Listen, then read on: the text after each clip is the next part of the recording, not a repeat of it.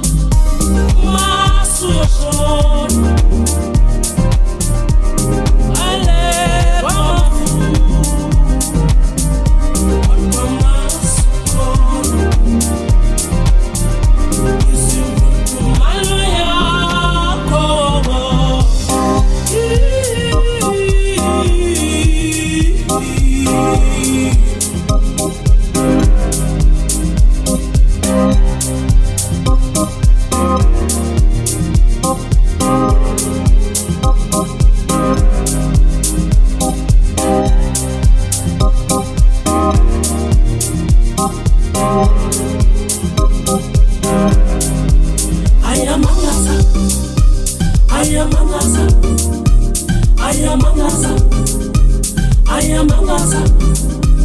I am a Gaza. I am a Gaza. I am a Gaza. I am a Gaza.